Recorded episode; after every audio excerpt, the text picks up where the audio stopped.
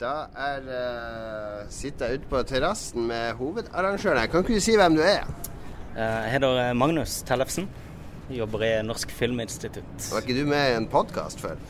Eh, jo, eh, Spelledåsene heter vi. Ja, nettopp. Det er, det er gode, gamle Magnus. Nå seriøs statsarbeider. Helt riktig. Helt riktig. Og du er, du er ikke hjernen bak NM i Gameplay, for det ble oppretta lenge før du jobba i NFI. Eh, ja, det er vel en sånn Er det 12 år siden? 13 år siden? Noe ja, sånt. noe sånt. Eh, der er min sjef Kaja Henk Dyrli og Are fra Hyper Games, Ja. tror jeg det var. Jeg tror Ja. det var de som klekka ut den ideen. Ja, Og da ble det jo holdt på Tilt første gangen. det husker jeg, for det streama jo Lolbua live. Jeg husker ikke om det var første eller andre, det var kanskje andre, at vi streama live med en eh, diger iMac. Og for de nye lyttere som ikke kjenner til det her, så det handler altså om at eh, alle som har lyst, og som betaler en symbolsk sum, eh, har en uke på seg til å utvikle et spill basert på et tema. Eh, og temaet er forskjellig for hvert år. Yes. Eh, ett år var det Arkade. Det var, det var litt sånn cop-out. Da kan du lage alt mulig. Et annet år så var det Lys, Lys, har vi hatt. ja, og ja. temperatur tror jeg vi har hatt. Ja. Og eh, Er det er du som finner på temaet? Eller i år så er det, har dere kanskje et samarbeid som har påvirka temaet? ja, denne gangen var det litt spesielt. For det har typisk vært eh, meg og Kaja og noen Ja. eh, flasker vin som har kommet opp med, med eh, Der vi har testa ut på hverandre. Ja, ja. Eh, bra eh, tema. Og så til slutt eh, landa på Forrige gang var det vel Ekstra liv, tror jeg. Var det ikke det som var eh, Da Hyper Games vant med sitt eh, Ja de Vu-spill, som er dritkult. Eh, men denne gangen så Det begynte med at vi med jobben var på sånn eh, omvisning på Munch-museet. ja. Der vi kom liksom litt sånn Vi fikk en presentasjon av eh, de som jobba med den eh, Med tekniske Ja. nyvinninger i eh, Munch-museet. Og de snakka om hvor sykt opptatt de var å finne liksom nye måter å nå ut til uh, yngre publikum, men også bare publikum generelt. Uh, og de leide spesielt på tekniske løsninger på Ja. de kunne implementere inn i Munch-universet. Så eh, vi bestemte oss for at eh, Munch var et bra tema. å gjøre. ja. Det var ikke sånn at dere dro på det museet og bare Å, shit, se på de kule bildene her. Nei. Tenk at vi i Norge har en sånn dude som har tegna så kult. Kanskje vi skulle ha det som tema? Han er ikke det, han er Munches Odyssey-fyren. Ja, eh, Edvard Munchs Odyssey. Ja. ja. Nei, vi visste jo ikke at han var norsk engang. Vi trodde jo Munch var svensk, helt frem til vi kom på museet. Ja, nettopp. Nei, vi gjorde ikke det. Svenskene tror det. Ja, det vil jeg tro. Men ja, så da ble det Munch som ble tema. Mm. Og da blir det en masse spill basert på Skrik, går jeg ut fra. Noen. Ja. Jeg har sett uh, i hvert fall ett spill uh, definitivt basert på Skrik. Jeg var, når jeg var i Krillbite, så satte jeg i gang et spill som heter Sunlight, som basically er et interaktivt Munch-maleri. Ja. Men de, du kan ikke stille med sånn ferdige spill her. Nei, men altså, du har ei uke på lavere så eh, Nei, litt rart, men, men det er jo en del som Hvis de har klart noe som de bare kan tweake til å på en måte besvare oppgaven, så, så aksepterer vi det. Altså. ja det, er, det er en stor fordel. Det har vi sett før. Det har vært litt sånn eh, produkter som har blitt eh, forma inn i tematikken. Ja. Og det har vært litt sånn her fra år til år så har det vært litt sånn ulik vekting av hvor viktig liksom Ja. oppgaveløsninga er, eller om eh, vi har vekta hvorvidt eh, gameplay-messig er det sterkeste spillet. Men denne gangen så er nok oppgaveløsninga veldig sentral, Ja. tenker jeg. Førstepremien er 100 000 i utviklingstilskudd. Riktig. Til et eh, valgfritt prosjekt. Det er en sum som ikke har fulgt prisindeksen, for det er vel det samme som det var for 13 år siden. Eh, ja, det, nei, det var kanskje Var det 100 000? Har det alltid vært 100 000? 000 i alle år. Ja. Og det er jo nok til å holde i gang eh, mange minutter Nå holder det så vidt til en eh, Unity-lisens. Yes. du kommer liksom inn døra i en sånn gamehub. Eh, ja. Nei, det er jo en, en feel good-sum, da. Spesielt hvis du er ny og fersk og bare skal bevise et eller annet. Jeg tenker det. Og så I tillegg så har vi noen ekstrapremier denne gangen, da, som uh, Ja. fra, eh, fra Munch-museet og fra en sånn her eh, innovasjonshub som heter 657, som har et samarbeid med Munch-museet utenom, da. Nice. Som også deltar her. Men du er er sjef for NM i Gameplay, for det er mer som skjer i dag, for det er spillpris nå etterpå. Mm. Ja. Da kan, du, da kan du bare drikke og slappe av, for da er ikke du noe arrangør. Ja, må vel opp og dele ut den der vinnerprisen av NM Gameplay. Ja, vi har vært på gullstikka, så du kan drikke så mye du vil før du går opp og deler ut pris. Ja, det har vi historier om. Ikke, ikke at vi har gjort det, men av, av andre som har Sponsorer, sponsorer spesielt. Ja, riktig. Det, har, det hadde noen, eh, noen kule resultater. Ja. Eh, ja, men jeg venter til prisen er utdelt, i hvert fall, med å ta helt av. Og så Ja. får vi se hvordan kvelden går. Ja, ja, ja. Mm. Da skal jeg spille, spille Tim Dog til deg hele kvelden Yes. for å få deg på dansegulvet. Det er helt eh, nydelig. Misogynisten er ikke lov å høre på Tim Dog lenger, er det det? Nei, eh, han han, eh, han drev- med sånn hallikvirksomhet og sånn? Helt sikkert. Det var utpressa. Ja, OK. Nå ble det veldig internt. Ja. Veldig internt. Jeg tenker lytterne blir glad for et gjenlyd med deg. Hva er det du savner mest fra tida i Lolbua, Lars? Nei, Magnus. Det var en klassiker fra gamle dager. Ja, det er faktisk det. Jeg savner jo eh, liksom og personlig alt var. Der jeg jeg husker ikke hva jeg heter engang. Det er det du savner mest? Ja, det savner jeg. Den der eh, bare bli neglisjert herskinga. Nei da. Jeg, jeg digga jo Lolbua-tida. Det var jo kjempekult å liksom samle de samme trynene eh, en gang i uka og egentlig bare sitte og krangle og diskutere seg gjennom ting som har skjedd, og spill vi liker, og bla, bla, bla. bla. Ja, og så har du kreativ outlet Ja, med ja. splashene dine. Ja, med splashene, ja. ja. Og tekniske uh, det utfordringer var- hver eneste gang. Og. Det var kjempegøy, det. Ja. Takk, Magnus. Lykke til med resten av arrangementet, og hurra for de hvem enn som vinner. Vi skal høre litt fra noen av deltakerne nå. Det var vår venn Magnus, Lars. Ah, det var, Og det var, helt, det var helt ufrivillig at jeg tok feil av navnet. Det var akkurat som i gamle dager. Ja, ja. ja nei, det, og han sa han skulle vente med drikkinga til etterpå. Det vi som har drukket med Magnus. eh, god idé, god idé, Magnus. Alt er en god idé for alle oss tre å vente med drikkinga lengst mulig, tror jeg. Ja, det er det. Velkommen til eh, Lolbua episode 447. Altså, du skjønte på dette første eh, klippet, lydopptaket fra Oslos Tak. Eh, byens Tak heter det utestedet. Eh, så skal det handle litt om NM i gameplay denne gangen. Fordi det er det jeg har gjort siden sist, Lars. Ja, Og spillprisen, eller ingen spillpris? Jeg har vært på det de kaller for Kavalkaden, som er da NM i Gameplay, og spillprisen, som er samme dag. Formiddagen NM i Gameplay, og på kvelden spillprisen. Og jeg har tatt litt opptak fra dette NM i Gameplay, for det, det er liksom eh, det er, det er på en måte der vi starta uh, inn i bransjen, Lars. Selv om vi begge ja. jobba som anmeldere, så var det liksom det første vi lagde med sånn under Lolbua. merkevaren. Vi spurte bare kan vi få lov å streame. Ja, selvfølgelig. Og så bare rigga vi oss opp og streama. Og uh, Magnus Tellesen var der. Han var litt sånn teknisk support. Uh, ja, han, uh, han, var bare sånn hangaround der og begynte å kjøpe shots til oss. Det var hans måte å bestikke seg inn i Lolbua på. Ja, det var topp. Det var jeg som burde vært på NM i Gameplay og spillprisen. Jeg var jo juryen. Ja, det er sant. Ja, jeg har ikke gjort noe sånn Spillprisen-opptak her, fordi vi har en søsterpodkast som heter Ragequit, som var der, eller eh, Dåserage, eller hva de kaller seg eh, nå, fordi de har jo på en måte Spilledåsene har på en måte lagt ned, eller i hvert fall tona veldig ned, og så har vel Ragequid utvida med Celine fra spilledåsene, som mm. mer eller mindre stepper inn for Dajis, som er et, Det er liksom sånn uh, Hotell Cæsar-drama, hele, hele, alt som skjer rundt disse andre podkastene. Ja. ja. det er mye drama. Folk slutter, starter De driver sikkert da sex, og det er utro, og ja. Kommer til å få barn. Og... Du hører jo på disse greiene, så du vet jo mer enn meg. Ja, jo det, jeg får med meg. Nei, det er flott at Celine er med for Dag Thomas, som han heter, når han ikke er i Hotell Cæsar. Så det, ja. det, må vi anbefale deg folk å sjekke ut. Ja, Nei, men det, må du sjekke ut. Da Får du masse, de har masse lydopptak fra spillprisen. Ståle Uredd har gått rundt og snakka med alle og enhver. Jeg så han snakka med Erik Fossum, med vinnere. Og det var litt artig å på spillprisen, fordi når de fikk Det ble jo en, en pris for teknisk achievement til uh, det hyttespillet, hva er det det het igjen? Ikke lov å drepe på hytta? Killer in the cabin. Killer in the cabin. Eh, som eh, Ragequit, og de har streama en del. Og de fikk jo til og med takk på scenen fra eh, spillets produsent Jack, som takka ja. Ragequit og spilledåsene for omfattende testing. Ja, de spilte veldig mye. Så fikk jeg prøvd en runde med dem, for jeg måtte anmelde det. Så da, Ja. det var veldig gøy.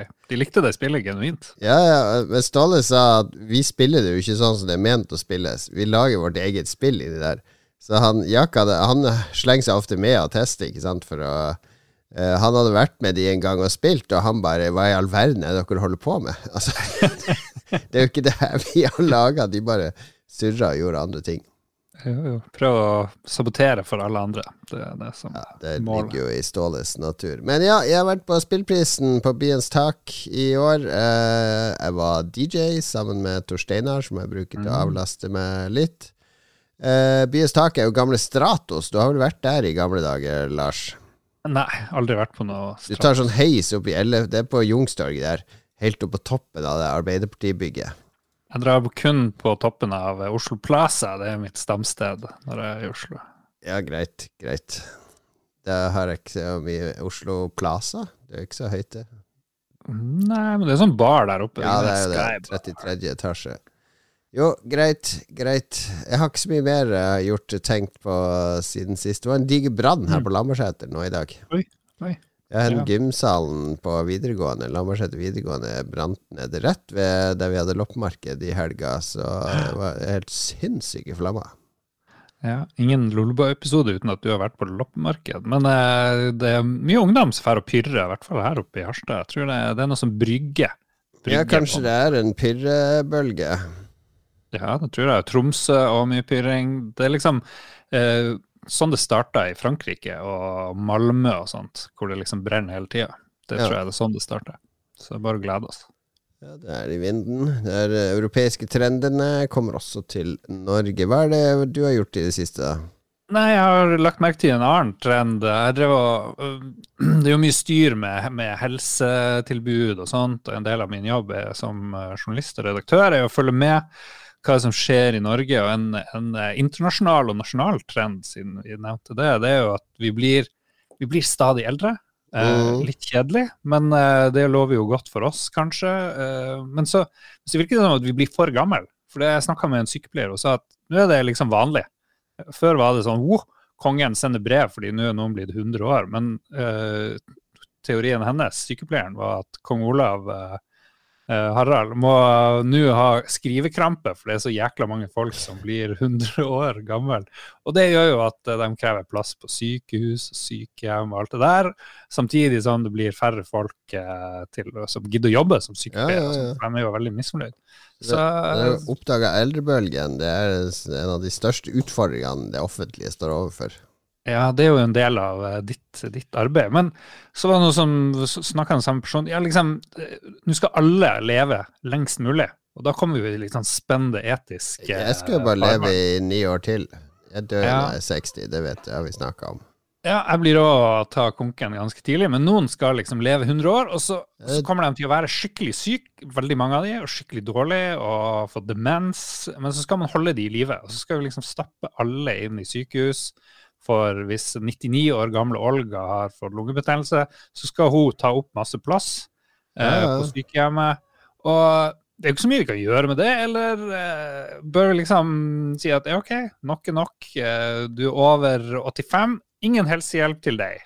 Vi er ikke nok folk. Nei, jeg tror vi kan lage Vestfold om det er en sånn omsorgskommune. At uh, Mm. hele Vestfold, der er det kun gamle altså pleieboliger. Så kan folk bo rundt den kommunen, de som skal jobbe med å pleie de. Så må vi få roboter som kan pleie disse fortest mulig. Ja, roboter. Ja, det blir litt sånn Men jeg føler at det er jo eh, vi eh, hvitsnipparbeidere som blir å miste jobben. Det er ikke de som er sykepleiere, fordi det er mye lettere å få A1 til å gjøre vår Ja, vi blir vel sykepleiere hele gjengen hvis vi skal ta vare på Ja. disse gamlingene. Ja. Nei, så det er slitt med I å dra gamle inn kulturer så har man familien Det er jo familien som måtte ta vare på de Ja. gamle, ikke sant? Ja. Nå skal mamma, ikke sant, din mor skal bo i sus og dus til hun dør, og min mor skal bo i sus og dus og få hjemmehjelp, ikke sant. Det er eh, masse av de blokkene i Harstad, det er jo bare gamlehjem. Ja, ja. Hjemmehjelpa har sånn fast parkeringsplass utfor de der, for det er bare rike, rike gamlinger som har råd til å bo i de nye Ja. leilighetsbyggene. Så, eh, så hadde det vært bedre om vi flytta i lag. Kunne du tenke deg å få inn mor di i Ja, huset ditt? nei, men jeg tror når vi blir gamle, Lars, så kan jo vi Mm. flytte i lag. Vi kan jo ha en, en sånn hytte, guttehyttetur eh, 365 dager i året. Vi bare flytter inn i kollektiv, alle vi kompisene. Ikke sant? Sånn gamliskollektiv. Det tror jeg hadde Ja. funka. For det, det vet jeg at jeg har flere på min alder som driver og tenker på nå. Eh, Fordi det er så mange gamlinger. Du skal liksom Du skal bo på gamlehjem, skal du ha sånn egen liten hybelleilighet der du skal sitte alene hele dagen. Det må være mye bedre at jeg og Espen Skoglund og et par til vil flytte i lag i et kollektiv. mm. Der vi gamlinger kan passe på hverandre. Absolutt. Og så kan vi leie inn, for vi har forhåpentligvis tjent godt nok. Ja, så vi kan pule våre ressurser, altså ikke, ikke Ja. som en seksuell handling, men vi kan, eh, vi kan eh, samkjøre våre ressurser, altså leie inn en privat eh, Ja. person som kommer og hjelper oss med å tørke oss i rumpa eller dusje oss et par ganger i uka og sånne ting. Ja.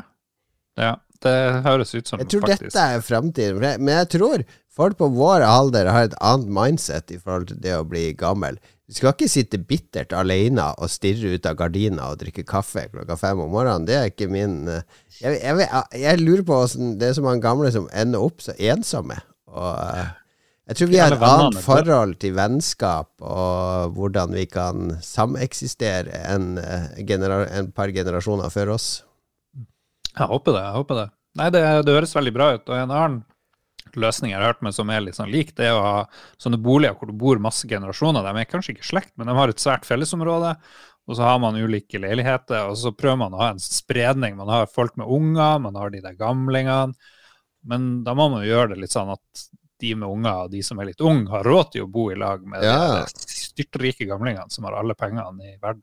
Klart. Klart. Nei, interessant med interessant problemstilling. Velkommen til debatt, Lolbua.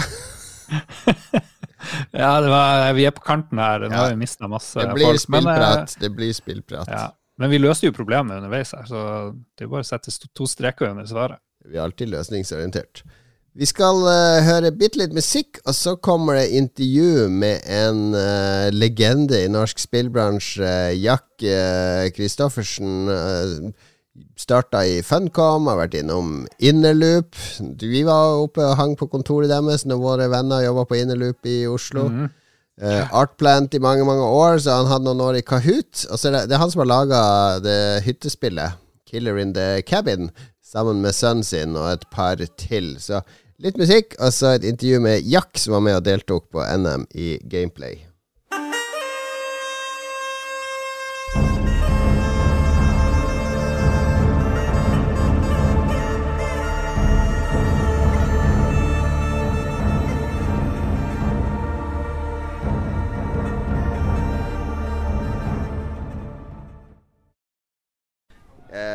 Eh, Jack, du, du, er, du stiller solo her. Ja, det gjør jeg. Har med Stiller som eh, em, People Play Games. People Play Games. Fordi du har vært eh, Du begynte i Funcom på starten av 90-tallet. Ja. Rett fra videregående. Yes. Ja. Du og Jack Nei, jeg heter Jack. Nei, du- Men det er veldig vanlig. Alle Jack og Joakim. Jack og Joakim. Ja, Ja, for dere gikk på videregående i lag sammen med min kone. Ja. Ja. Tilfeldigvis. It's a small world after all. Det er en kjempeliten verden. Og så begynte dere i Funcom, og så var det Innerloop. Ja. Og så var det Artplant. Ja. Uh, og så ble, var det, har du vært i Kahoot noen år. ja. Og nå er du litt sånn eh, frilans, uh, eget selskap. Eh, er tilbake i spill for fullt, da. For Kahoot er litt sånn på sida av spillspillbransjen. Ja, det var jo litt spillelementer. Jeg fikk ikke brukt noe der, men det var, jeg merka liksom at eh, jeg savna spillspill. Ja. Så tilbake til å gjøre Både lage egne ting, men også lyst til å liksom jobbe med masse av de flinke folka vi har i bransjen. Eh, Mhm. Så være litt sånn eh, Ja, jobbe med litt med forskjellige prosjekter. ja. Nei, du har jo en megalang fartstid. Men hva, det du har, hva var det du tenkte nå til NM i Gameplay når du så tematikken? Jeg tenkte ja, det skal jeg ikke si, for det, da må dere pipe det ut. Men det var, først så ble jeg skikkelig skuffa, for det var sånn derre Jeg er jo Jeg er veldig på sånn mekanisk gameplay. Jeg er Ja. liksom sånn derre gameplay handler liksom om liksom timing og posisjonering og, ja. og alt de tingene der sånn. Eh, og med liksom Munch så ble det liksom tenkte jeg at det var det er, Jeg kan ikke jeg liksom brukt de tingene jeg eh, Det ble, ble kanskje fort veldig visuelt og mindre gameplay. Ja. ja. Det var liksom det første tanken, og så tenkte jeg liksom at ja, men vet du hva, det er jo faktisk litt kult. Fordi at uh, NM i gameplay er jo en måte å pushe seg litt utafor komfortsonen, liksom. Mm. Så at eh, jeg prøvde liksom å lage da en opplevelse som jeg syns passa til tematikken, da. Eh, og også noe som liksom det er, det er veldig langt unna et spill jeg ville lagd. Eh, men, eh, men liksom lage noe som er litt sånn meditativt og, og Jeg kan, jeg kan prøve å beskrive spillet ditt, for jeg har jo spilt det. Det er liksom et museum. Jeg Det går rundt i 3D. Og så er det malerier på veggene, og så er det noen av de som er sånne Mario 64-malerier. Der du ser Oi, her kan jeg hoppe inn i bildet. Og da ser du en fyr hoppe inn i bildet, og så blir det et minigame som gjerne er litt meditativt eller filosofisk. Ja, det stemmer. Jeg tenkte liksom Først så var jeg liksom inne på sånn jeg skulle litt sånn WarioWare-aktig. Da tenkte jeg nei, nei, jeg syns det var litt Jeg ga ikke den respekten jeg syns Munch fortjente, da. Eh, og også litt i forhold til det der at ja, først deg til å gjøre noe helt annet nå. Så jeg prøvde liksom å lage veldig mye meditativt. At du hadde litt kontroll, men ikke helt kontroll. Og lage det at det allikevel har en Hvordan man editerer spillelementene og kontrollen og sånt, og det allikevel gjør det gøy å spille, da. Jeg fikk det til sånn helt passe. Ja, da, men tematisk så er det jo altså, Pikene på broen, da skal du styre en pinne som seiler nedover elva. Ja. Eh, ensomhet. og Ja, ensomhet var, jo, ensomhet var jo gøy, da, for det er jo Der er liksom sånn Man, man ser noen sånne mørke dotter. Ja. Så ser man først så tenker man liksom at man, man ser liksom at når man kommer nærme dem, så blir det liksom kjærlighet og litt partikler Ja, ja. og sånne ting. Så du prøver liksom å finne kjæresten din, og så ser du at det blir kjærester rundt omkring rundt deg, men det er ingen som vil ha deg, og så skjønner du at ok, Ja. målet er liksom å dytte de sånn at de andre blir det, og så står de igjen alene. ja. Jeg bare sjekker lyden når det ser. Yes, yes. Og så er det jo Så er det jo en hvor du er rundt solen, den store solmaleriet solen. Ja, for det er det berømte solmaleriet på Det henger vel på rådhuset i Oslo, det? Gjør det ikke det? Det, det, kan- ja, det gjør det. Ta Ja. Klipp ut det hvis ikke det stemmer. Ja. uh, så, så ja. Så der, der var Ja, for der styrte sola, det syns jeg var eh, Det var en solid avslutning. Vokse opp en liten blomst mens du, du må holde sola unna skyggene og Ja, nei, det, det syns jeg Det er vel den av de jeg var mest fornøyd med. For det var, liksom, var gøy å sol, styre sola. Ja. Og så var det liksom Der fikk liksom gameplay med at At eh, liksom du hadde liksom en viss kontroll over den, at du, men, men at det var litt sånn seigt. Det funka, det fløyt fint. da Og så var det også veldig fint der at du ser liksom blomsten eh, vokse gradvis opp. Eh, jeg jobber jo nå jeg, jobber jeg i- med Krillbite. Ja, jeg så da følte jeg liksom det, det spillet var sånn her, ah, Ok, det begynner å rubbe off, liksom. Det var litt sånn sunlight-vibber når du så den blomsten uh, vokse opp der. Så Ja. det var gøy. Eh, Du har jo vært med NM mange ganger. Har du vunnet noen gang? Dette er første gangen jeg er med i NM. Er det det? Ja. Artland har jo vært med før. Du, jeg husker veldig godt at dere hadde med en diger gummibåt Ja, inne på. Filmens hus. For dere hadde ikke klart å lage en prototype, så for dere sendt en gummibåt ned gjennom publikum og prøvd å få den til å svinge til høyre og venstre. Ja, vi, har gjort én live Vi har gjort en live gameplay-prototype. Ja, og sånn, den, er eh, vi den er minneverdig. Den er minneverdig, ja, Den husker jeg godt. Men den er så hvis, Det var det eneste gangen dere var med, så det er er andre gangen din. ja, Ja. Vi har alltid hatt Det er liksom eh, Alltid hatt så mye eh, jobber og, og ting, husker jeg. Og det er jo liksom var Det er litt altså- det tøft å frigjøre tid en hel uke for å Ja, altså- hvis man har mye oppdrag og forpliktelser. Og Ja, og så var det litt før, så var jo ofte NM i gameplay rett etter jul. Mm. Og da var det liksom sånn her Du hadde hatt kunder som hadde hatt jul, og det å komme tilbake For vi jobba jo Mm. Mye med internasjonale publisher. Og liksom det å komme tilbake rett etter juleferien og si at ja, men vi har en uke fri, vi, for vi skal drive og ha en sånn game jam, det var ikke så veldig populært, da. Så det, det fikk vi ikke til. Eh, Nei. Men, eh, men ja, jeg syns det, det er gøy å være med. Være med. Det var mye gode, gode morsomme entries. det var. Ja, det var gøy å se der, og det er eh, Det er mange artige eh, spill her. Jeg har testa et par nå. Det er et veldig artig Men det var et skikkelig vrient tema, syns jeg. da det Ja. var, Og det, det, er jo, det er jo kult, da. Eh, Hva er drømmetemaet ditt, da, Gjert? drømmetema Jeg veit ikke. Nå vet jeg ikke alle som har De har sikkert vært, liksom. Men eh, eh, det er jo eh, fart, eh, tid, ting rundt det, liksom. Hvor man kan eh, Kan liksom Ja. Eh, manipulere og gjøre ting eh, rundt det. Det Ja, nei. Ja. All right. Takk for intervjuet, og lykke til i kveld. Takk skal du ha.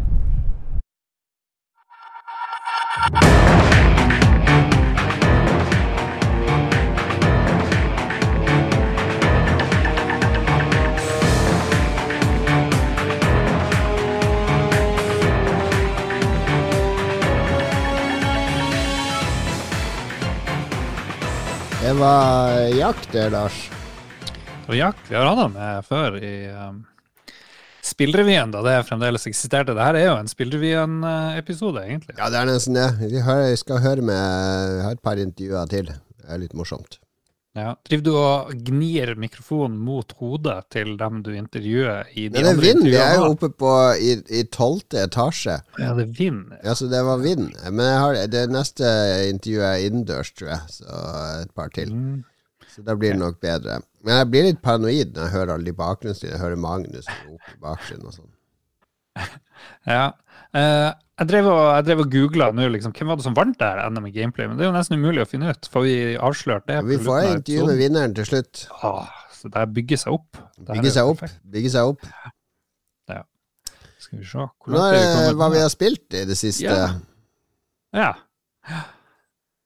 Ja, gruer meg litt til nær eh, hva vi spilte, spilt, må jeg innrømme. Ja, for du, du spilte noe som ble sniklansert, som du egentlig hadde gleda deg til, og ble litt skuffa Mm. over, eh, kan vi vel si. Eller kanskje ble skuffa over eh, ikke selve konseptet og potensialet, men uh, gjennomføringa. Ja, det virker som en, en patch er på sin plass eh, på Tesla grad 2. Ja. For det, det, mm, det er jo et eh, oppfølgeren på en norsk suksess, Mm. faktisk, som har solgt uh, i bøtter og spann. Sniklansert på Nintendo Direct. Plutselig var Tesla grad 1 og en remake av Tesla grad 2 tilgjengelig. ja, motsatt. Tesla Grad 2 og en remake av Tesla Grad 1. var. Ja, og da var jo det uh, åpenbart at det må spilles. Og det, det, Det kom, det kom på Steam og PC samtidig, da. Ja. Og Den versjonen hører vi fungerer litt bedre. Ja, den, den Switch-versjonen som jeg spilte, det er, liksom, det er jo litt overfladisk, men når du driver og lugger i 20 FPS med veldig ujevn framerate, og ganske mye noe som føles som input-lag, det kan jo hende det er med vilje, men det er det, det setter jo barrierer for meg med en gang, så jeg ble litt irritert, må jeg si. Eh, gjorde meg litt skuffa. Så jeg har spilt ikke sånn kjempemye, så jeg skal spille videre og si hva jeg syns om det. Men eh, grunnideen er jo fantastisk, og vi må jo bare applaudere at eh, norsk spillindustri blir så godt promotert som det ble av Nintendo. Det er liksom det er godt synlig på, på butikken til eh, Nintendo, og det er jo fordi det første spillet var, slo veldig godt an, da, Jeg tenker jeg, og de har trua på det her. Så, så håper jeg de, de, de gjør noe for å gjøre det litt mer tight, for det, det liksom det, det Et plattformspill bør jo være snappy. Uh, det bør være veldig middelbart. Men uh, det har det liksom Det handler om uh, magnetisme. er liksom veldig mye av gameplay her. Du er en ny hovedperson, du er en sånn kvinne som, som har noe abilities og kan, kan manipulere eh, magnetisme, både trekke til og støte fra, hoppe, trekke til seg objekter, kaste mm. ting. Og så, og så er det litt old school der spillet. Det er jo 2D Metroidvania. De kaller det et Scandivania, tror jeg. siden Ja, smart, smart. smart. Bra, bra, bra branding der. Um, det, er, en del cheap deaths. eh, jeg vet ikke hva vi syns om det i 2023. Det er liksom, du springer gjennom en hule, og så plutselig hopper det ut et monster som dreper deg med en gang. Så du har, du har ikke sjanse å overleve. Så må du liksom gjøre det flere ganger. Det er litt sjarmerende, litt sånn old school, sånn som det var i Arkadespillene, hvor de skulle ha mest mulig coins ut av det. Så Ja, ja, ja. tok de jo livet av det i øst og vest, bare for å få litt mer cash. Men uh, veldig kul musikk. Det er sånn norsk folketoner, det er Ja, vikingestetikk. Det er liksom mye som roper norsk eh, Norge her, på et vis. Um, det er det. Så de prøver å få en sånn skandinavisk fil. Og grafikken ser helt super ut, animasjonene er helt konge. Så det er mye som er veldig bra. Men eh, når det kommer til, eh, til å liksom styre og kontrollere, så er det Mm. ofte veldig, veldig vanskelig å, å akseptere det man blir presentert av. Dessverre. All right. Et spill som trenger en grad av optimalisering på Switch, høres det ut som. Ja, det vil jeg si. Så, så jeg er litt sånn usikker på om, om uh, levelene kunne liksom vært eh, Om det er det bare på Switch det er vanskelig, men det er mye gnukking, liksom. Det er litt sånn vanskelig å komme seg hit og dit av og til, som jeg ikke tror utviklerne har uh, hatt mening av at det skal være sånn, da. Men Nei. Det, jeg må spille mer for å konkludere. Interessant. Nei, jeg, jeg har um, Det er jo spennende når man snikslipper ting på en sånn uh, Nintendo Direct. Direct. Uh, at det skjer med et norsk spill. Så uh, masse Mm. lykke til til Rain Games. De har jo, det er jo en franchise der. Det er jo tredje spillet i Testagrad-serien, for de har jo World to the West. Og det er kanskje fjerde, for de hadde vel et sånn der Husker jeg ikke hva het lenger. Det var et spill der du skulle stemme. Var sånn politisk eh, innflytelse Mm. og sånne ting. også. Ja, en pursuit-spill, det er jo veldig jeg tror alle disse foregår sånn, omtrentlig i samme univers. Ja. Nei, det er alle honnør til å være produktiv og liksom få ut ting. Det er jo Ja, ja, ja. mangelvare. Absolutt. Uh, ja, vi har spilt noe annet på Switch begge to òg, i tillegg. eh, nemlig en uh, Gameboy-klassiker. To Gameboy-klassikere som har kommet ut i en remastered utgave. Nemlig Advance Wars 1 pluss 2 ble lansert før helga. Ja, og der uh, Tesla Grad 2 føles litt sånn upolert ut, så føles jo Advance Wars uh, utrolig supersmooth ut på alle Ja, måter. fun fact, disse, denne remasteren er laga i Unity, av alle ting. Ja. Ja, det er mange som tror ja, Unity det blir sånn dodgy, eh, wonky greier, men det trenger ikke det. Både Heartstone og Advance Wars-remakene og mye annet er laga i Unity. Men det, dette er da to krigsspill fra Nintendo, eller Nintendo sin krigsspillserie. Og når Nintendo kriger, så ser det ikke farligere ut enn Brannmann Sam, altså. altså. Det er tankser og fly og helikopter som kjører rundt på et rutenett. Det er et sånn taktisk turn-based uh, eh, strategispill, der du styrer ulike armeer, som er litt sånn stein, saks, papir-regler. De troppene er bedre enn de troppene, som er bedre enn de troppene, som igjen er bedre enn den første jeg nevnte. Ikke sant? Eh, også I tillegg så har du terreng som gir deg fordel og ulemper. Hvis du står inne i en skog, så har du litt mer dekning osv. Så, videre. Så har du movement, så det er veldig sånn klassisk uh, Final Fantasy Tactics eller Fire Emblem, altså rutenett, Mm. styrker med ulike krefter. Og så er det pakka inn i, med en gjeng sånn animefigurer som dukker opp og roper og skriker og 'jeg skal ta deg, og jeg skal knuse deg'. Altså det, det er ikke det er ikke akkurat Oliver Stone-portrett av krigen, dette her. Det er uh, ren, ren moro med, med Det er Pokémon. Et Pokémon-krigsspill, kan du nesten si. Det er mye stein, saks og papir eh, på, på et eh, rutenett, hvor noen units er sterkere enn andre. Og så har du jo veldig mange units noen gang, og noen kan fraktes i andre, og så kan du vinne på ulike måter. Eller det er vel bare to, kanskje. Knuse alle fiendene, eller ta fiendebasen. Ja, som oftest. Men det er eh, veldig kul level design. Jeg spilte dette masse på Gameboy da det kom, for de er veldig sånn uh, laga for sånn der uh, uh, En halvtime her og 20 minutter der, og starte en ny kamp her. Og så er det kampanje med progresjon, og du får nye ting hele tida, og eh, det er veldig givende, føler jeg, spilleopplevelse, de kampene. Jeg spiller jo på Du kan velge to vanskelighetsgrader. Normal, som jeg spiller på, eller litt, litt sånn east casual. Casual. Ja, så jeg spiller jo på normal, for jeg spilte det såpass mye på Gameboy. Jeg tenker det må jeg jo klare. Og det, det er helt øh, det er, det er greit balansert. Det er akkurat nok utfordrende, syns jeg. Det, forts det har fortsatt noen av de øh, rare quirksene fra forgjengeren. For eksempel hvis du sender inn en sånn her øh, øh, troppetransport. Det er sånn unit som ikke kan eh, angripe, men som kan provide bensin og ammo eller frakte bakkestyrker. Hvis du sender den inn til fiendene, så blir de fiendene helt gale. Alle automatisk skal ta den først. Så du kan fint bruke de som decoys, eh, akkurat som du kunne på Gameboy. Så de har beholdt mange av disse quirkene, og, men det ser bra ut. Kampene er liksom eh, 3D-realisert nå, det var det ikke før. Det var sånn 2D-bilder. Eh, og det var jeg litt skeptisk til, men det ser, ser bra ut, det òg. Ja, jeg trodde jeg skulle hate det mer enn jeg gjorde. Jeg liker jo å få min grafikk pikselert, eh, helst, men eh, det går helt fint. Jeg prøvde å skru av de der kampanimasjonene, for du kan jo velge å ta bort alt. Du Ja, bare ja. velger angrip, og så, og, så, og så er det over. Men jeg har funnet ut at når fienden angriper, kanskje med fire-fem tropper samtidig, så er det veldig vanskelig å liksom få med seg egentlig hva det var som skjedde, hvis du skrur av. Ja, ja. Nei, jeg syns det er en del av sjarmen uh, å se de der eh, stille seg opp og blåse hverandre vekk. Ja. Nei, Jeg holder, det- holder inne den ene triggerknappen, for da går de kampene fortere. Det er triks. Ja.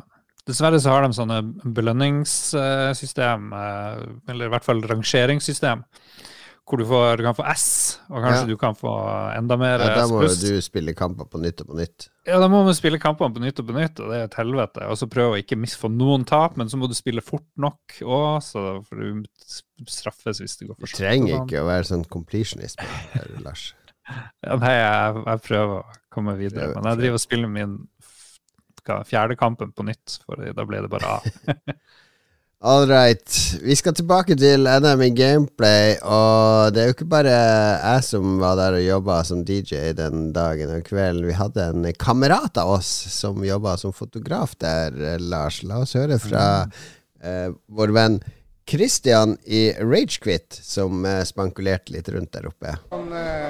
Det er, vi er også, det er også en fotograf på dette arrangementet, og han heter Hvem er det? Hvem er denne fotografen, denne høye, rødhåra mannen? Ja, det er KK, Christian Kjessem. Christian her i Lolba og Ragequit har faktisk infiltrert dette arrangementet? Ja, det har vi gjort flere år nå på rad. Eller ikke på rad pga. pandemien, men uh, arrangementmessig så har vi jo vært her tre år nå.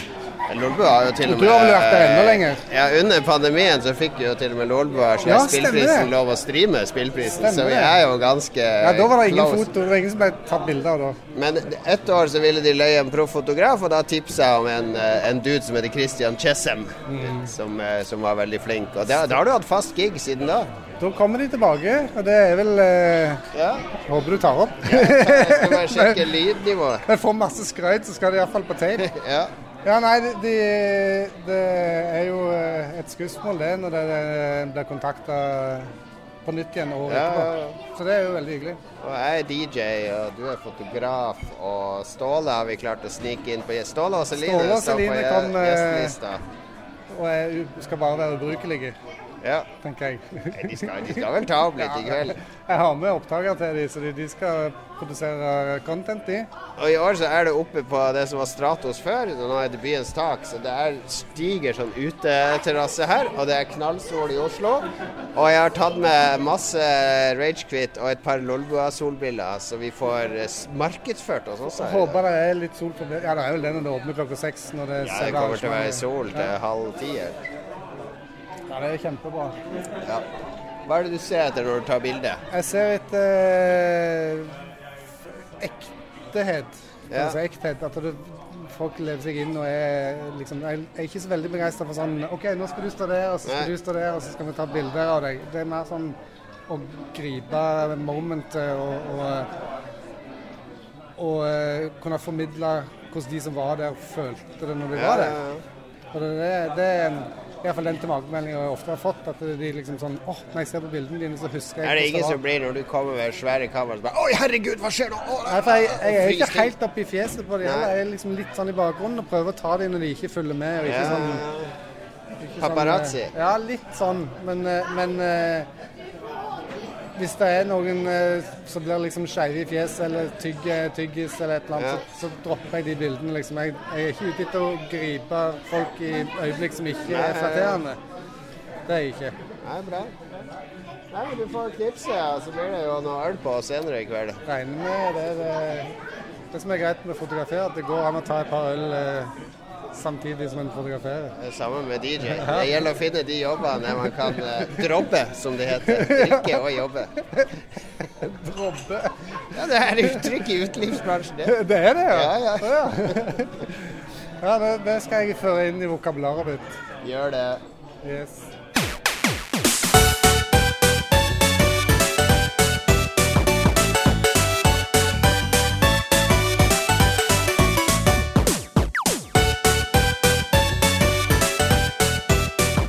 Jeg burde vært radioprodusent der, Lars.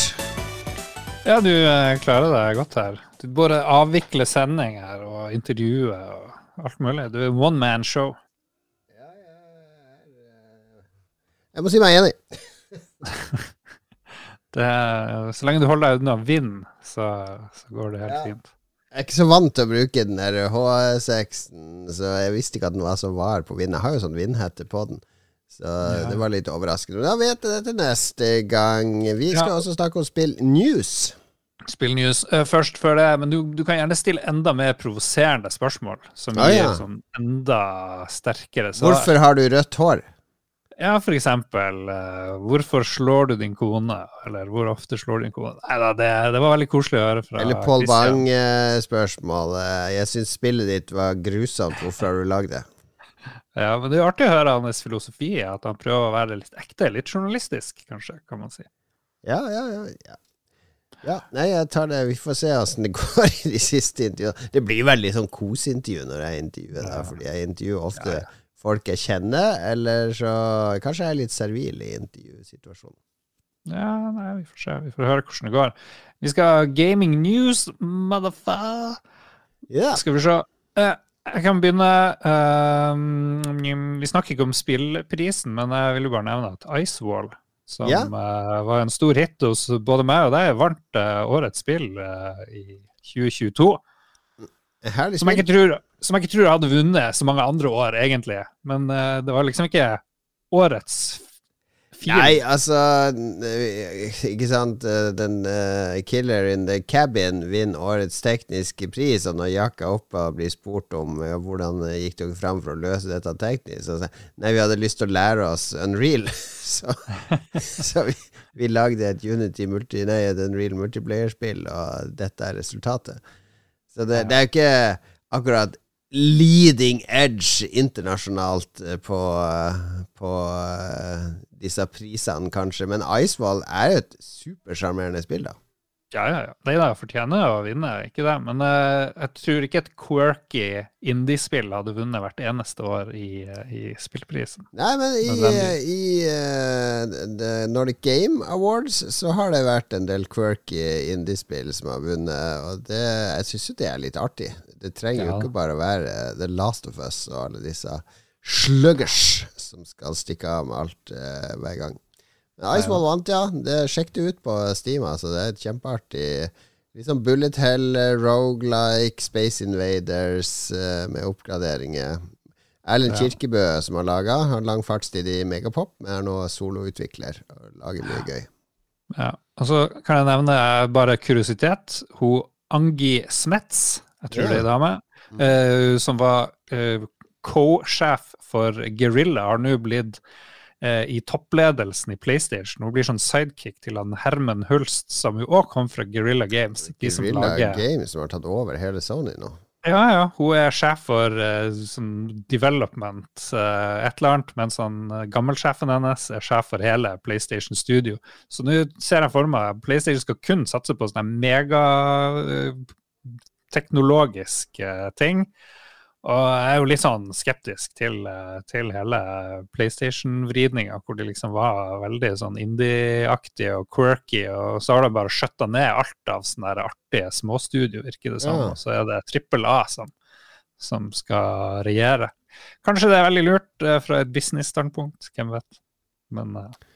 Hvem vet? Jeg, jeg, lite visste jeg om dette når jeg spiste middag med Herman Hulst i Amsterdam en gang for mange mange år siden i forbindelse med Killzone 2, eller hva det var for noe.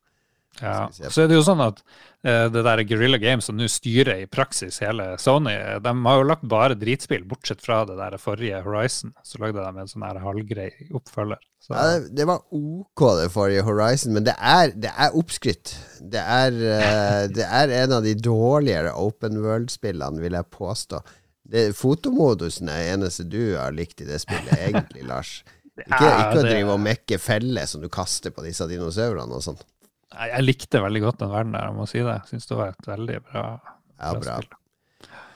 Ok, jeg skal også hente fram en, uh, spillnyhet, uh, nemlig dette skytespillet Unrecord, som har eh, skapt stor ståhei på nett, som gamer.no skriver. For det ble sluppet en sånn video, uh, en sånn førstepersonsperspektiv, bodycam-aktig video. Ja, Med en sånn dude som løper inn i en nedlagt eh, skole eller eh, et eller annet bygg. Løper inn med en gunner i nedlagt skole, skyter litt, sparker opp noen dører. Ser veldig, veldig, veldig veldig realistisk ut, Lars. Ja, det er, det er litt sånn Jeg lurer på hvor bra det er i virkeligheten, fordi handa di og siktet driver og flytter seg hele tida, sånn som om Det ser veldig ekte ut. da. Det ser Ser ut som det er ut som, som VR-skyting, rett og slett. Men det, Ja. det, det har grafiske filters og shaders og hva det nå heter, alt der, som gjør at det ser superautentisk ut. Det er litt sånn lavoppløselig bilde, litt sånn eh, krasse, brutale, ærlige lyssetting. Eh, og så er det shaking, masse rysting med det kameraet sånn, som hjelper på at det ser realistisk ut. Det floater ikke innover som en drone, men mer sånn som et kamera skal oppføre seg når du har festa det på kroppen din. Ja. Og folk for det, er eh, som vanlig, I vanlige spill så, så er jo pistolen fast, og siktet er fast i midten. ja, Du er jo en flytende orb i vanlige spill Ja. som bare fly, floater rundt og skyting. Du er jo ikke et Men her er det mye mer eh, ekte. Ja, det, Ja, det ser jo egentlig ut. Så, så ekte at folk på nett bare Det er umulig at dette kan være et spill! Dette er bare bodycam footage som noen har prøvd å få til å se ut som et spill, men det, det er snakk om et spill. Eh, og før man tar helt av og tenker 'Å, fantastisk, så fantastisk disse spillene blir', det vi ser, er jo kontrollert video fra et environment der mange illusjoner brister når du skal få lov å styre dette sjøl, tror jeg. Ja, jeg lurer på, for du klarer ikke å treffe noen når den handa driver og svaier hit og dit. Nei, de sier at det er ikke først og fremst et skytespill, men et actioneventyr eller noe sånt. Så det er, kanskje, det er kanskje David Kars som viser seg å stå bak hele Oh, godheten til slutt. ja. Yes, with the, with the body cam, you can have that much more immersion. And when a character tells you that they love you, you will actually feel love for real. Er David Cage den franske Peter Molyneux? I am not the French Peter Molyneux. I am the Bulgarian Peter Molyneux. Uh, If I am anyone French, I am the French Miyamoto. The Miyamoto of French game development. Ja, takk for eh, det, Peter eh, Cage. Merci, merci, monsieur Olsen. All right, skal vi gi oss med nyhetene der? Ja da. Ja. Ja da. Nei, men man må sjekke det der. Det er sak på alle spillnettsider. Ja. Eh. Jeg, jeg har, Magnus nevnte det jo, men årets NM Gameplay er jo et samarbeid med Munch-museet. Og eh, da var jo en av de eh, fire i årets jury i NM Gameplay var jo fra Munch-museet og heter Birgitte. Og da måtte jeg jo, Det er jo litt gøy, for, det, det, Ja. for en gangs skyld kan jeg intervjue noen som jeg ikke har kjent i 20 år. eh, og og da, der, kunne jeg intervjue en som jeg ikke kjenner fra spillbransjen i det hele tatt, men som jobber med kunst og museum, og eh, faktisk i Oslo kommune. Så, så er jo en kollega av meg, strengt tatt. Nå er, jeg- er veldig spent på om du drar inn sånne her eh, fremmedord for å imponere hun her eh, dama. Det Ja, du, du må bedømme etterpå hvor mye prøver jeg å flørte her, og hvor mye er intervju, Lars. For her kommer intervju med Birgitte. Ja, Birgitte Aga. Jeg er leder for innovasjon og forskning på Munch. Så vi jobber mye med det å, å forske på, utvikle og innovere på hva framtidens kunstopplevelser kan være. Og da er jo selvfølgelig spill en ting som jeg er kjempeinteressert i. Og også noe som den neste generasjonen av publikum forventer å kunne interagere med kunst og kultur på. Så nå, nå er jeg en fra Munch-museet her, og i 30 år så har de debattert om spillet er kunst, men du vil fastslå at det er kunst? Ja, absolutt. Det er Ja. opplevelse, og jeg mener man må utfordre det som var eh, en eh, tradisjonell kunstopplevelse eh, tidligere, og så må vi tenke nytt. F.eks. den mest interessante fakta som jeg bruker ofte, er eh, 27 millioner gamere så Travis Scott-konserten i Fortnite. Ja. Hvis ikke vi greier å snu oss rundt og tenke at spill har noe i en kunst- eh, eller, kunst- eller kulturorganisasjon, da tror jeg vi kommer til å misse framtidens publikum. Så det er kjempeviktig. Og det er jo kjempegøy å være her i dag. Det er Ja, ja, ja. utrolig spennende. det resonnerer veldig med meg, det, akkurat det du sier nå. Altså synes jeg det er um, Det som er gøy med spill også, er at spill eh, ikke sant, Malerkunst er malerkunst, musikk er lyd. Spill det er på en måte Det kan være arkitektur, det kan være Det er veldig mange eh, kunstneriske eller ferdigheter som skal inn i spill, ikke sant. Og Derfor syns jeg temaet i år var veldig gøy, fordi det å få leke seg med Munch i spillform, det skaper jo ganske bredde i uttrykk. Ble du overraska over kreativiteten her i dag? Ja, absolutt. Det var kjempegøy å se fra, liksom, fra den humoristiske, lekende taket på eh, de, de uheldige stjelingene av maleriene våre. Ja. Fram til veldig mye dypgående tematikk, indre følelser i Mm. Liv. Og, men også lekenhet. Så jeg synes det var kjempespennende liksom, variasjon og bredde på hva de tok tak i når det kom til Munch. Vi holdt jo veldig åpen for at de kunne tilnærmes på forskjellige måter. Så det var kjempegøy å se. Jeg tror de tre finalistene vi har, eh, treffer eh, tematikken på Ja, ja, veldig forskjellige vinkler. Men det her er spill som kunne vært vist fram på museet? Du, eller? absolutt. Jeg tenker Ja. jo det her er jo noe vi ønsker å få fram prototyper. Og vi har jo spill er noe vi både utforsker og har sett på lenge. Så absolutt. Det er jo ikke første gang eh, Munch eh, og spill har vært kobla. Det fins jo noe Pokémon-kort i Japan òg. Jeg vet ikke om du kjenner til dem? Nei, du faktisk, det visste jeg ikke. Ja, det kan du google i kveld hvis du vil. Men det fins noe Pokémon-kort som er eh, altså basert på Skrik og andre Munch-malerier. Når en Munch-utstilling var i Japan for noen år siden, så fikk eh, Pokémon-selskapet lov til å lage sånne som en del av promoteringa av Det det. er jo kjempespennende. Dette må jeg slå opp. Og Munch var en innovatør selv. Han brøt jo med det, brøt med det etablerte og lekte. Han var en innovatør. Han lekte med nye medier, fotografi, Han hadde vært former. spillskaper i dag. Helt klart. Ja. Så kjempespennende. Nei, nei, men tusen takk for Bare hyggelig. intervjuet. Hyggelig. Det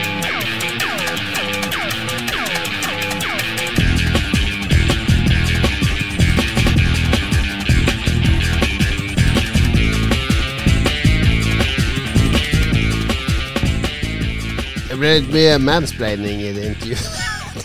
Det var mer Jon Cato enn intervjuobjektet.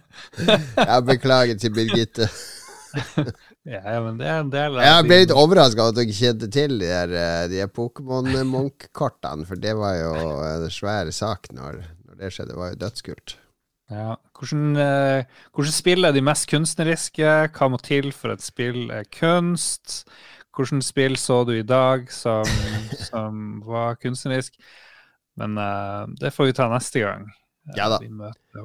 Absolutt. Absolutt. Nå er det anbefalinga vår, faktisk. Vi har ett intervju igjen, og det er faktisk med de som vant. Men det er tatt før de vinner. Så at de er uh, jeg, Fordi jeg har vært med på dette i mange år. Jeg streifa rundt, testa et par spill, så på et par spill. Jeg så spillet til de her, det var liksom Det er vinneren. Så jeg intervjua Mm. bare de og Jack, for jeg visste at de kom til å vinne. Så det er proft. Det er proft. Mm. Veldig, proft. Mm, ja Jeg er litt spent på dine anbefalinger. Jeg aner ikke hva det skal være for noe. Har du ikke klikka på linken? Nei, jeg må gjøre det nå. Fordi jeg driver nå og leser Jeg er kommet en tredjedel i en sånn her eh, 1000-siders, eller kanskje 900 sider eh, epos. Jeg sliter litt med lesing for tida, fordi jeg prøver å lese fantasy. Det syns jeg er kjedelig. Sci-fi jeg begynte å falle av der òg. Noen romaner jeg prøvde å lese. Cormac McCarthy sin nye og sånn. Litt sånn åh, Litt sånn ork. Jeg har funnet ut at jeg liker faktisk biografier nå veldig godt. Jeg leser mye sånn historiske bøker og biografier. Det er det som fenger. Og denne boka her, det er på en måte en sånn drømmebok, fordi den blander, det blander historie og eh, Men jeg skrevet litt i sånn romanform. Men det er ikke sånn alternativ versjon av historien, men den tar liksom for seg events, historiske events, og formidler det som om det var en roman. Ikke sant? Med følelser og beskrivelser, og tar seg noen friheter her og der. Men det er eh, en, en italiensk forfatter som heter Antonio Antonio Scurati, heter han, som har skrevet en bok som på italiensk heter M. Il figlio del Nei, ja, M. El figlio del secolo, eller eh, Son of the Century M. Eh, og det er rett og slett en biografi om Mussolini. Eh, altså Italias svar på Hitler. Mussolini som eh, Ja, kan kanskje si at han var han som skapte fascismen. Eh, han var ute omtrent samtidig med Hitler. Vi snakker jo om 1919. An, eh, første verdenskrig er over. Du har hundretusener, eh, kanskje millioner av krigsveteraner som har sluppet alt i, i mange, mange år. Kjempa ut en krig. Italia var jo med sammen med Frankrike og England og bekjempa tyskerne. Eh, Mm. Men når disse italienske krigsheltene kommer hjem, så er det ingen jobb til de, det er ingen, eh, ingen penger til de, eh, det er ingen eh, nødhjelp til de. Og så er eh, Det var jo litt sånn strid om Italia skulle i krigen eller ikke. Det var liksom de som ville ha det med i krigen, og de som ikke ville ha. De som ikke ville ha, har nå stort medhold. Eh, eh, eh, kommunismen er på stort fremmarsj, så det er masse krig mellom eh, anarkister og kommunister og drit og lort. Og inn her kommer jo da eh, Mussolini, som egentlig var sosialist før krigen, og som har blitt utstøtt av sosialistpartiet og begynner starte fascistpartiet. Og eh, basere det på La oss ta, få alle disse misfornøyde veteranene inn i, i våre Det er de vi skal passe, ta med oss, og, og tar over hele Italia eh, gradvis. Så det går, går ikke fort frem i denne boka. Det er liksom en måned her, fra her og en måned der. Det er taler her og der. Det er den store italienske dikteren. Heldigvis en indeksering bakerst med alle navn og sånn, så man henger med. Men det, det er dypt fascinerende, syns jeg, fordi jeg vet ganske mye om Hitler og Churchill og Stalin og alt sånt, men Mussolini føler jeg Alt det som skjedde i Italia opp mot andre verdenskrig, det er litt mer sånn der eh, sort hull for meg. Ja, og du vet hvorfor? Jeg hørte en sånn her eh, morsom, eh, halvmorsom standup-rutine. Hvorfor tenker ikke vi på andre verdenskrig med en gang vi hører Italia, sånn som vi gjør med Tyskland og Japan og sånne ting? Jo, fordi når med en gang folk drev og skulle begynne å gnukke om andre verdenskrig, så sier italienerne ja, jo, jo, det er greit, men smak på det her! Har du smakt litt spagetti, pasta, pizza, lasagne? Ok, ok. Så, så de klarte å overdøve smaken av krig og elendighet med sin enormt eh, populære mat. Men ok. Godt gjort. Godt gjort. Ja, ja ok. Nei, det heter da M, denne boka. Jeg leste den på norsk. Den kom i norsk oversettelse nå. Altså. jeg plukka opp dette tipset, en bokanmeldelse, i uh, Aftenposten eller Morgenbladet eller hvor det var. Leste du ikke på italiensk? Nei, ja, jeg har lært meg italiensk, så jeg leser den med sånn der Mario-stemme, bare Il fascismo! Det terrorismo! Se, det bombe og granata! Jeg tror Mario har hjulpet på, eh, på Italia. Skulle fått Charles Martinet til å lese inn boka som lydbok i sånn Mario-stemme. Nå snakker vi. Hm. Det står på, på, på Wikipedia her at uh, ifølge boka start så står det at hver eneste hendelse, karakter, dialog er historisk dokumentert. Ja, hvert kapittel eh, ikke sant? Et, Det er ikke så lange kapittel. De kapitlene er gjerne fra tre til sju-åtte sider. Eh, Så det skjer et eller annet viktig der. Og så når kapitlet er over, så kommer det sånne brev eller avisartikler eller annet som dokumenterer det som skjedde, det som omtales i det kapitlet. Og det er noen som har kritisert det for at det stykker opp den boka litt sånn unødvendig, men det, det, det syns jeg er dypt fascinerende å lese det med det med de øynene til han uh, Antonio Scurati, som tolker det som har skjedd, og beskriver det, og med hva som aviser og sånn skrev på den tida.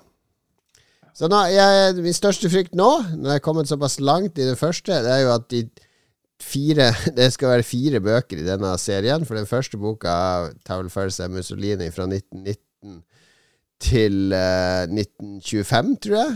Uh, så så at, min største frykt er at resten av bokserien ikke blir oversatt, så jeg ikke får lest de. Jeg må lære meg italiensk. Ja. Det står på engelsk heter den Tetraology. Ja, det skal bli fire bøker i serien. Det skal jo egentlig være en trilogi, men han eh, Den tredje boka er vel akkurat kommet til Italia, og den slutter der andre verdenskrig starter, eller i 1939. Så han har mye på hjertet. Og så blir den også gode nyheter for mange av våre lyttere som ikke gidder å lese bøker. Shame on you, men eh, de driver nå og filmer den som en åttedelt dramaserie, den første boka, med Luca Marinelli som Mussolini, og det er eh, Joe Wright, den britiske filmskaperen, som da skal uh, filmatisere denne. Han er vel mest kjent for The Woman in the Window på, på Netflix.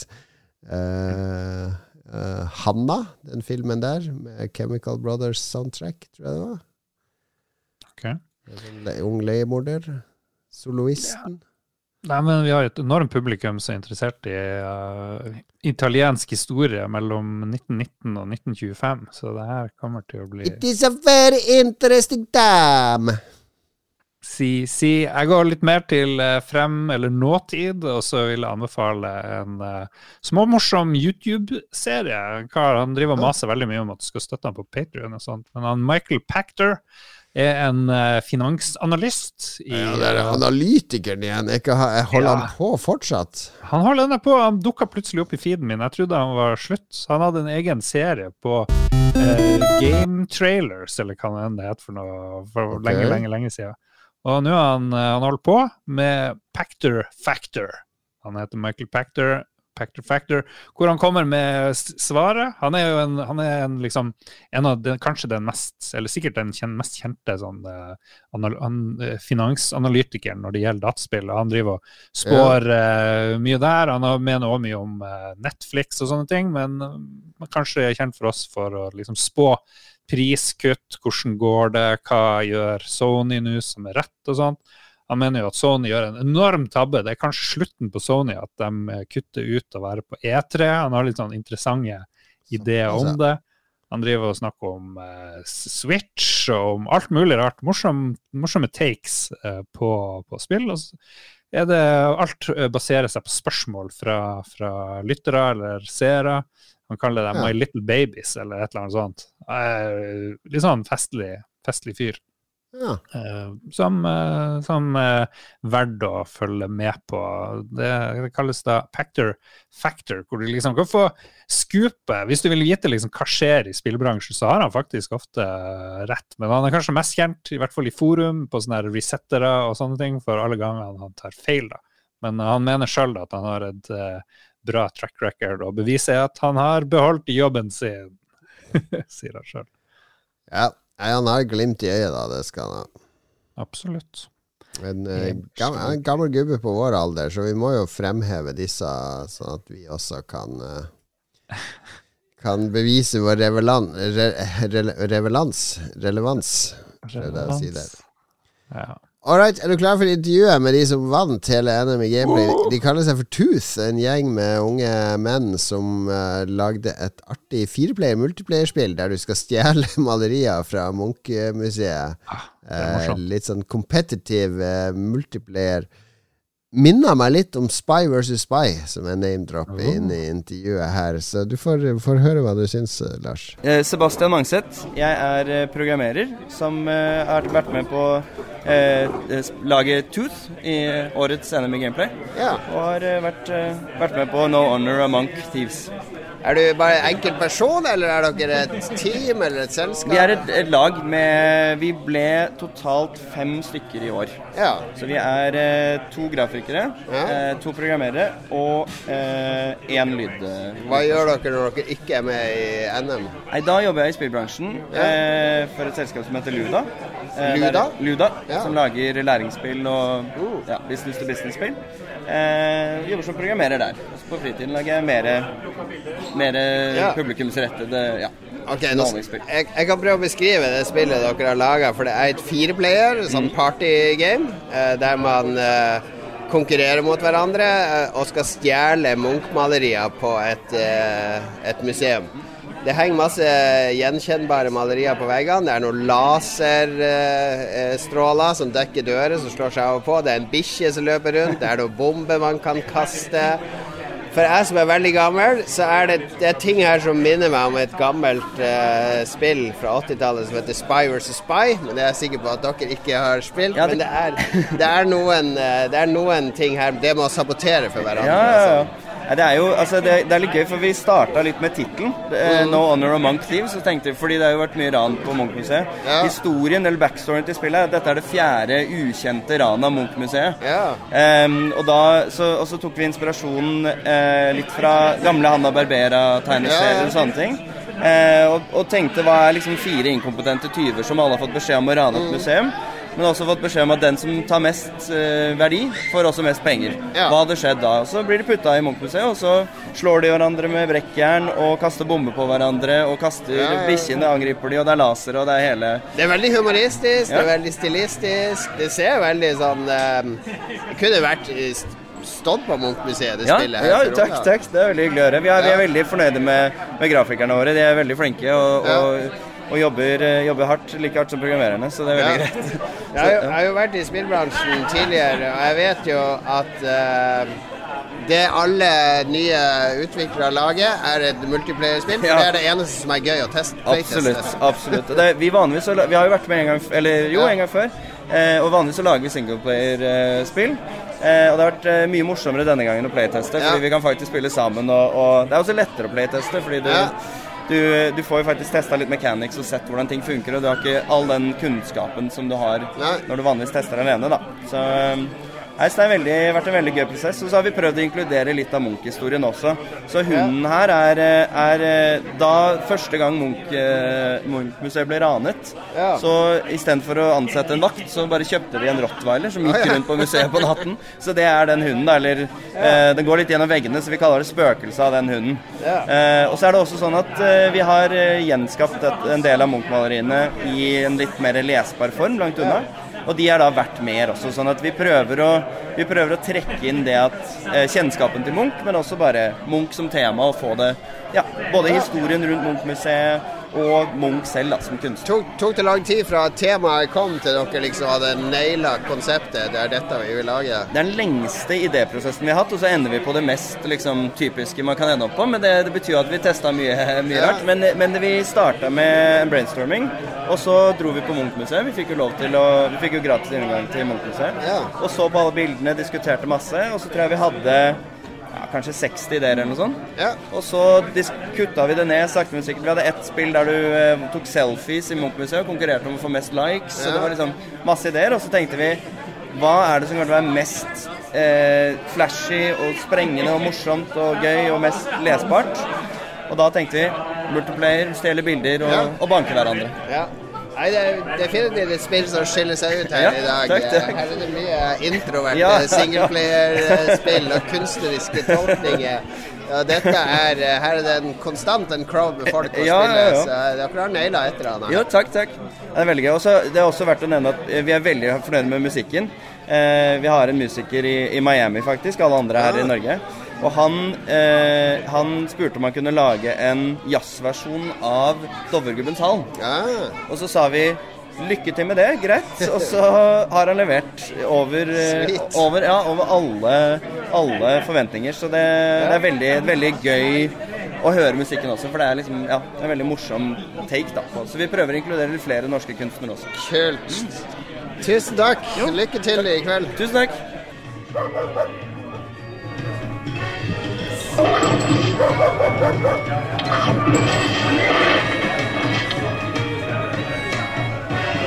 you.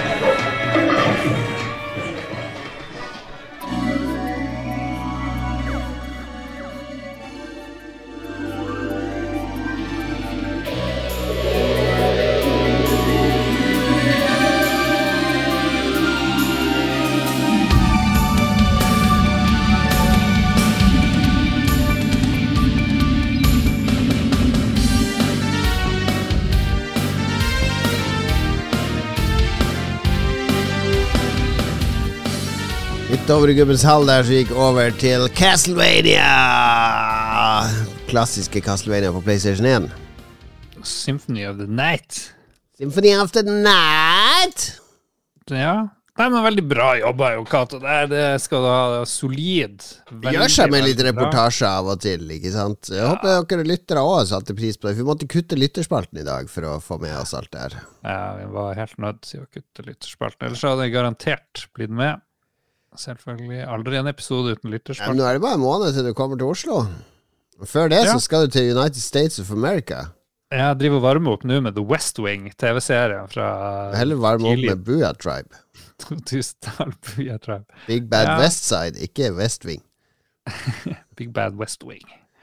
Looking like a set trip. You're in it to win it. Put three bullets in the chamber and I fucking spin it. Oi, oi, oi. Nei, når er det du drar? Er dette siste episoden din på en stund? Jeg drar Nei, jeg tror jeg rekker en til 5.-6. mai. Du har eh, opptaker du òg kan sende noen reisebrev Ja. fra United States. Eh, ja. Hvis jeg tar med opptaker, så blir jeg sikkert kasta ut, for jeg har ikke lov å jobbe journalistisk. eh, Mens jeg Er ikke du der i, som journalist kurs? Nei, seminarkurs, eh, sånne ting er lov. Jeg måtte jo lese to kilometer med ting, for egentlig skal jo journalister ha egne visum. Men Ja. det, det, det vi kjenner jo. Katarina og ordner jo det, da. You, you know Catherine, she's a Norwegian FBI CIA specialist. Yeah, she's, uh, she's prime, prime spy. Prime. Spy nummer uno. Spy nummer uno.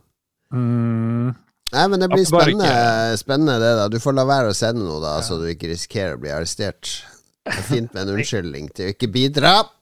nei, men jeg kan jo være med live fra USA, kanskje. Jeg vet ikke. Vi får se. Ja, jeg hadde noen episoder jeg husker der jeg sendte noen lydopptak fra Cadillac Hotel når jeg var der borte med Krillbite. Og Ja da. Ja, nei, vi er, vi er jo med fra Sverige, og det Vi finner en løsning, og hvis ikke så får jeg finne en eh, Lars Vikar. Lars Vikar. Bare få med Magnus igjen. Tror du han blir Får vi tilbake Magnus? Eh, Kicke ut av Mats? Ja, nei nå har han, han han er bare Han er så seriøs ved rolla Ja, si, så jeg tror det skipet har seilt, dessverre. Ja, Ma- Mats er mye bedre uansett. Ja da, ja da. Vi må rekke likevel å takke produsentene våre før vi gir oss for i dag. Ja, vi får uh, ingen vri i dag. Takke de som norske spill uh, Som norske Munch-museet. som som om vi er oppe på scenen på spillprisen og tar imot pris. uh, så skal vi takke disse. Lolbu har nemlig vunnet sånn hedersprisen på spillprisen for eh, og levert fantastisk spillkulturunderholdning gjennom eh, 1000 episoder. Så dette er altså i 19... eh, det blir dette? 2000 Blir ikke og, 19 i hvert fall. 2032. Da er vi på scenen på eh, spillprisen. Og da er norsk spillbransje eksplodert. Vi har tatt igjen Sverige, ikke sant? så nå er det en skikkelig Nå er det heder og ære og live på NRK. Vi kommer opp, Lars. Det klappes! Woo! Oh, tusen takk! Takk til juryen. Ja, takk. takk. Jeg må støtte Tusen takk til mamma. eh, og men kanskje de viktigste er TTMXMP. Uten det, ingen lolbuer. Nei, og vi må takke Duke Jarlsberg for å drive communities i øst og vest i alle MMO-er og inkludere Lolboa og Red Crew i alt som skjer. Duke, du er en hedersmann. Ja, og Bjuslo det, det er ingen som har et bedre ekte navn som vi må holde hemmelig enn det. Det begynner på bje, bje, bje, bje, men vi tør ikke si noe mer. Bjuslo! Åh, elsker det. Elsker det, og vi elsker det. Og Tommelun, eh, spesielt når vi eh, kobler oss inn på Snapchat på morgenen og får se din fantastiske bart- og skjeggkombinasjon. Den muntrer opp hverdagen vår. Takk skal du ha, Tommelun. Ja, og sist, men ikke minst, Gøran Helge Nilsen. Bror, bror til Steven Segal. Eh, ekspert på knivkamp og eh, dreper folk i øst og vest. Ekspert på det meste. Og så må vi også minne om Du får masse reportasjer fra selve spillprisen hvis du hører ukas episode av Ragequit. Kommer samme dag som Lolbua denne uka, altså ute i dag, onsdag. Eh, I tillegg så kan du, hvis du er patron, så kom det en helt ny episode av Tilkast denne uka. Den var du med å spille inn, Lars. Ja. fantastisk. Tiltkast? Nei, var ikke helt Nei, hva var det? Nei, Nå blander jeg. Roffelbua, Roffelbua. Roffelbua kom, ja. Så den er ute nå. Bli Patrion du òg. Tusen takk til alle patrions. Eh, Ti uh, uh, dollar, tror jeg, så får du alt. Stort sett. Ja. Everything. Ja. Hvis, hvis du er Krona, krona er litt svak, da, så det er egentlig litt dyrt. Men har du råd, så sleng deg på. Uff. Det det er vårt, det er vårt Patreon-slag. Har du råd, sleng deg på. Ah, se og hør. Se og hør neste. Tusen takk skal dere ha for at dere hører på. Hvis dere syns det var gøy med reportasjer og sånn, si fra hvis dere vil ha mer av det. Det er ikke sånn at vi kommer til å løpe ut og lage masse mer av det, men når det passer seg, så prøver vi. Uh, kan jo også nevne at Fru Sems, uh, det har du spilt, ikke sant? Ja da. Det stakk jo av med ganske mange priser. Det var veldig gøy. Det er jo en ny eh, utvikler som ikke er så kjent. Og hun hadde vi jo et stort intervju med i en av de siste episodene av Spillrevyen eh, i fjor. Eh, så vi er, vi er on point. Jeg vil si det. Ja da. Ja. Fusems valg er et bra spill òg. Bra Mm. datingsimulator. Absolutt. Hun hadde veldig morsomme takktaler òg. Oh, ja. All right. Takk for oss. Takk for oss. Vi høres bra. om en uke. 448 om en uke.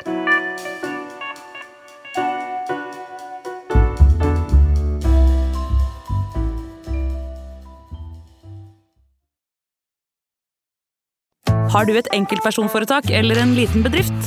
Da er du sikkert lei av å høre meg snakke om hvor enkelt det er med kvitteringer og bilag i fiken, så vi eh, gir oss her, vi. Fordi vi liker enkelt. Fiken superenkelt regnskap.